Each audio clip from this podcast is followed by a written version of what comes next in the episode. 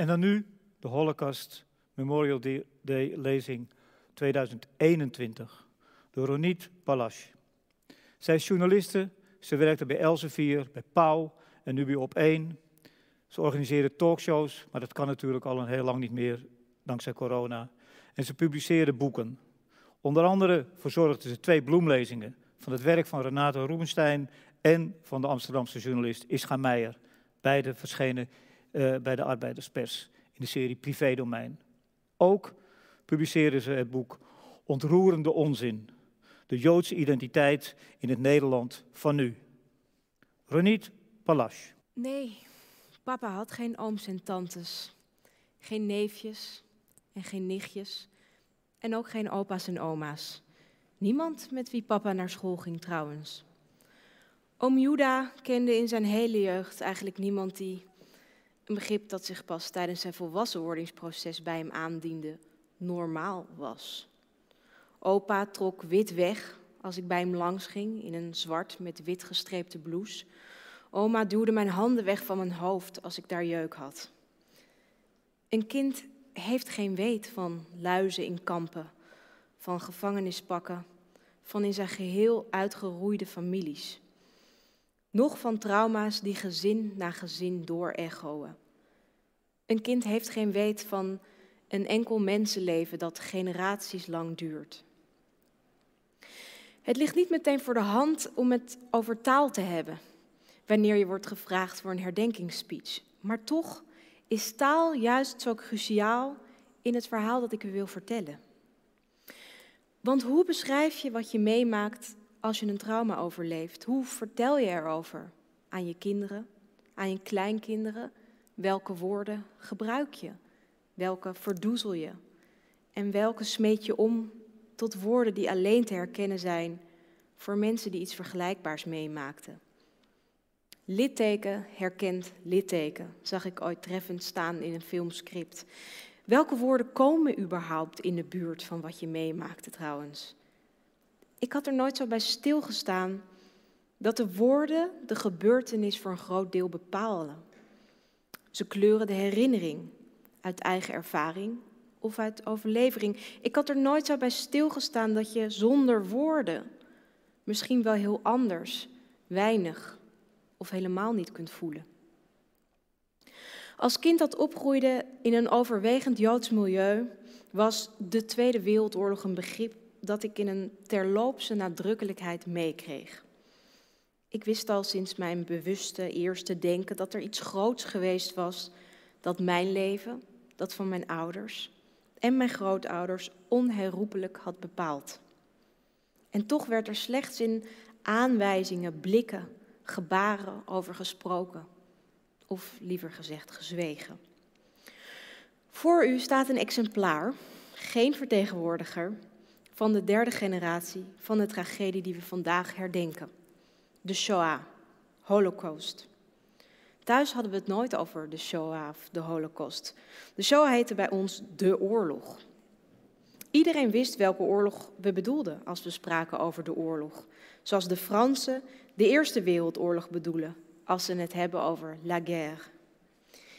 Iedereen die ik kende, kende wel iemand die de oorlog had meegemaakt.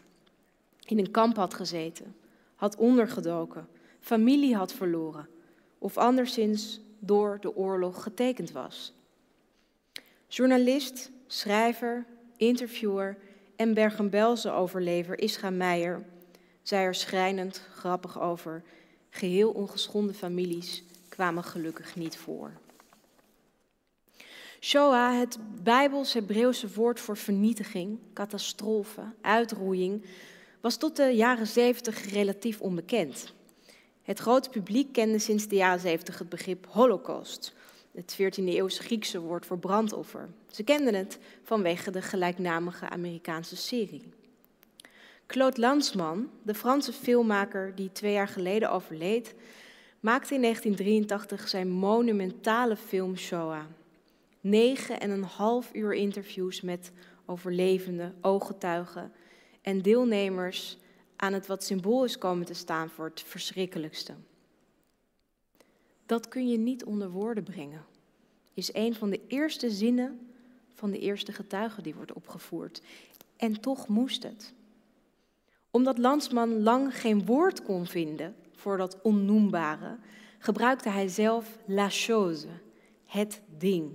Hoe kon er immers een naam zijn voor iets dat ongekend was in de geschiedenis van de mensheid? Als ik mijn film geen naam had hoeven geven, had ik het niet gedaan, zei hij in een interview met Le Monde in 2005. Het duurde uiteindelijk elf jaar lang om zijn nu zo beroemde titel bedenken voor dat project, een geschiedschrijving op zichzelf. Toen de organisator van de première aan Landsman vroeg hoe zijn film heette, antwoordde hij Shoah. Maar wat betekent het? vroeg de organisator. Ik weet het niet, zei Landsman. Het betekent Shoah, maar je moet het vertalen, niemand zal het begrijpen. Dat is precies wat ik wil, dat niemand het zal begrijpen. De titel werd al snel synoniem voor de massavernietiging van de Joden in de Tweede Wereldoorlog. La chose, het ding, kreeg zo een naam. Nog lang werd Landsman als de maker van La Shoah geciteerd, waarop hij reageerde met nee, ik ben van Shoah. De Shoah, dat is Hitler. Niet de Shoah, maar de oorlog werd een metafoor voor al die blikken die ik als kind niet thuis kon brengen. Voor de onvolledige, zogenaamd vergeten verhalen die me werden verteld. Voor de verkrampingen en tranen die verschenen op onverwachte momenten. Een van de belangrijkste stemmen in de literatuur over de oorlog werd voor mij die van de Hongaarse Nobelprijswinnaar Imre Kertész. Hij meende dat woorden als holocaust een metafoor op zichzelf vormden, een stilering van wat er werkelijk had plaatsgevonden. Valse taal. Liever, hoewel het woord liever hier een vreemde voorkeur lijkt, sprak hij over de systematische uitroeiing van de Europese Joden. Daarom spreek ik ook niet meer over mensen die zijn weggehaald, opgehaald of omgebracht. Niet meer over mensen die niet terugkwamen, terugkeerden of er niet meer waren, maar over mensen die zijn vermoord. Israël Meijer beschreef al in de jaren zeventig de woordeloosheid van zijn ouderlijk huis, maar de even zo indringende werking van wat er niet gezegd werd. In weinig eigen verhullende taal schetste hij het gezin dat hem had voortgebracht. De vanzelfsprekendheid van die codewoorden. De blikken, de gebarentaal, de niet-woorden eigenlijk die er werden uitgesproken. Hij was het die mijn ogen opende en deed inzien dat andere mensen zonder oorlog thuis heel anders met elkaar communiceerden. Letterlijk in een andere manier in een andere taal met elkaar spraken, ook waar ogenschijnlijk andere regels golden. Ik kwam na mijn studie thuis bij niet-Joodse vrienden, waar alle gespreksonderwerpen en vragen geoorloofd leken. Daar hoefde ik niet op de hoede te zijn, op mijn hoede te zijn voor mijn vragenzucht. Want ik had die afgelopen jaren daarvoor zoveel gevraagd. Zo eindeloos veel over hoe het thuis was bij mijn moeder, bij mijn vader, wie er lief voor ze waren en wie streng. Wat hun geleerd werd als belangrijkste doel in het leven, welke normen van belang waren in de huizen van hun kinderjaren. Hoe er werd gesproken over de familie die er niet meer was, vermoord, vergast. Maar de antwoorden bleven uit. In die andere huizen hing er geen dreiging van mijn vader die ziek zou kunnen worden door ter sprake brengen van zijn jeugd een verdrietige oma, een moeder die zich niets meer wist te herinneren van haar eigen kinderjaren. Mijn teleurstelling daarover. Een kind observeert en probeert te ontleden wat er wordt gezegd en door wie. Probeert betekenis te vinden in het gezicht van zijn vader of moeder als reactie op de woorden die er worden uitgesproken. Maar wat als de uitdrukkingen op gezichten niet corresponderen met de taal die eraan vooraf gaat? Wat als de woorden uitblijven? Wat als er geen taal is, als er geen woorden zijn die ooit recht kunnen doen aan die ene grote tragedie, waarin zulke haast afgesproken hevigheid over wordt gezwegen? Wat als het inderdaad toch niet mogelijk bleek ooit nog poëzie te schrijven naar Auschwitz, zoals Adorno in 1949 had opgeschreven? Hoe is het onbeschrijfelijke ooit te beschrijven? En daarmee ontstond een probleem, want hoe geef je gestalte aan je eigen persoon in een mini-kosmos die zwijgt, verdonkere maand, verdraait? En niet uit onwil, niet uit kwaadheid of perversie, maar uit onvermogen. Tot wie richt je je woede, je onbegrip, teleurstelling, verdriet als niemand uit jouw kleine, vertrouwde wereld je moedwillig kwaad heeft willen doen, maar je zonder het te beseffen wel 10-0 achterstand bezorgde aan onbevangenheid en met vertrouwen de wereld dapper tegemoet te treden. Israël Meijer beschreef zijn wereld zonder er erg in te hebben dat dat deels het verhaal was van een hele Joodse naoorlogse generatie. Dat het zwijgen bij hem thuis het zwijgen van de meeste ouders was. Dat er achter dat op maat gesneden vocabulaire van slachtoffers schaamte huisde, schuldgevoel, wanhoop en een oneindig groot verdriet. Een verdriet dat te groot was om in woorden te gieten. Woorden zijn als kiezels. De zinnen vormen de keien en samen vormen ze een pad naar verwerking. Ontbreekt de taal, dan wordt de weg een doodlopende steeg. Een kille plek tussen smalle muren, waar alleen nog de echo's van de vernietigde nagalmen. Wie zwijgt, hoopt, denk ik, dat het eeuwige verdriet uiteindelijk zal verstommen. Als we er niet over praten, dan bestaat het ook niet, doet het minder ondraaglijk pijn. Een gebruikelijk mechanisme bij trauma's. Taal geeft vorm aan gedachten, aan gevoelens, ervaringen. Bestaan die ervaringen nog als je er geen woorden voor hebt? Kinderen die bij aankomst in de vernietigingskampen losgerukt werden van hun ouders, hadden nog geen woorden om te beschrijven wat ze meemaakten. En konden geen voorsprong nemen op de doorwerking van die gebeurtenis voor de rest van hun levens en dat van hun nakomelingen. Zoals gezegd behoor ik tot de zogeheten derde generatie en moet ik mij zonder ook maar iets van die zojuist besproken ellende meegemaakt te hebben, verhouden tot dat veel te grote verdriet dat het DNA werd van mijn volk en mijn familie. En dat verhouden is bijna een dagelijks gevecht. Het gevaar zou, als je de oorlog als ultieme maatstaf neemt, elke dag op de loer kunnen liggen. Het huist, in potentie tenslotte, in de systemen die worden blootgelegd als institutioneel racistisch, maar ook op het werk waar dingen van grote bazen worden verlangd, die lang niet altijd te verantwoorden zijn volgens de voorwaarden van je eigen innerlijke kompas. Opdrachten die je autonomie aantasten en je de vraag doen stellen of je in een andere tijd, onder andere omstandigheden, ook orders zou hebben uitgevoerd. En dan achteloos gewezen zou hebben naar je meerdere, zonder enig gevoel van medeplichtigheid.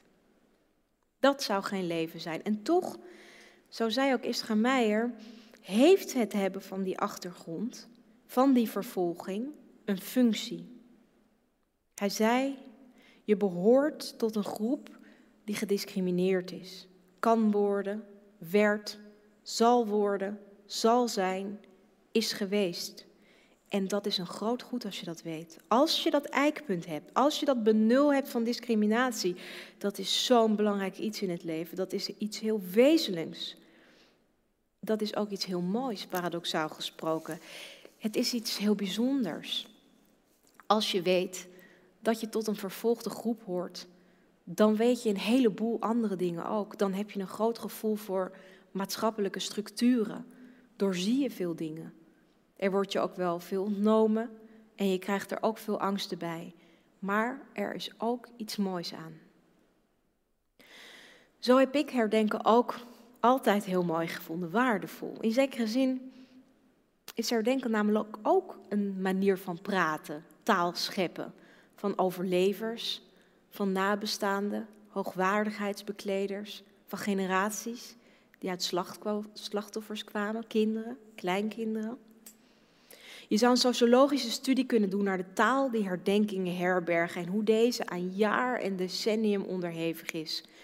Hoe vaak gaan de discussies niet over de rol van herdenken en het nut ervan? En ieder jaar weer, dit jaar was het geen uitzondering, ontstaan er de nodige controverses over wie de boegbeelden mogen zijn van zo'n herdenking en wie het leidend voorwerp. In een jaar dat de avondklok weer ingebed werd in het moderne vocabulaire en geen oorlogsbetekenis meer had, ontstonden er rellen, sloten mensen de deuren vroegtijdig uit angst voor geweld en plunderingen. Voor mij is een avondklok een avondklok omwille van corona. Maar de connotatie voor de oudere Nederlanders, Joods en niet-Joods, is een andere. De taal bepaalt voor een groot deel het gewicht van de maatregel. Want is maar één mens per dag kunnen zien niet veel erger dan een paar uur niet op straat kunnen vanwege een oprukkend virus? Het is het woord dat de maatregel kleurt en zich in zijn kolossale verschrikking vermomd als vermeende herkenning openbaart. De herdenking van de slachtoffers van de Tweede Wereldoorlog is sinds de bevrijding voortdurend veranderd. Juist doordat er steeds meer taal bij kwam. Ruim drie kwart eeuw later zal het woord la chose, het ding, niet snel meer worden vergeten. En toch kent ongeveer een derde van de Nederlandse jongeren het begrip holocaust niet. Niet het woord, nog de betekenis. In ons omliggende landen is dat niet anders. De laatste jaren zijn er veel Europese steden, steden, musea en monumenten die aan de Holocaust gewijd zijn bijgekomen. Ook in Nederland. Herdenkingen zoals vandaag of 4 mei of waar en wanneer dan ook zijn voor overlevenden, voor nabestaanden of zelfs latere generaties zoals ik. Het is een moment om de verlorenen een stem te geven, niet door voor hen te praten, maar over hen, in de woorden die we de afgelopen decennia verzameld hebben. Er leven vandaag naar schatting wereldwijd nog zo'n 350 tot 400.000 Joden die de naziterreur overleefden en ontvluchten. De helft van hen woont in Israël ongeveer 10% in New York City. Over zo'n 20 jaar, een eeuw na het begin van de Tweede Wereldoorlog, zal er niemand meer over zijn die de Holocaust zelf heeft meegemaakt. Sinds de jaren 80 van de vorige eeuw zijn er veel ooggetuigenverslagen bijgekomen.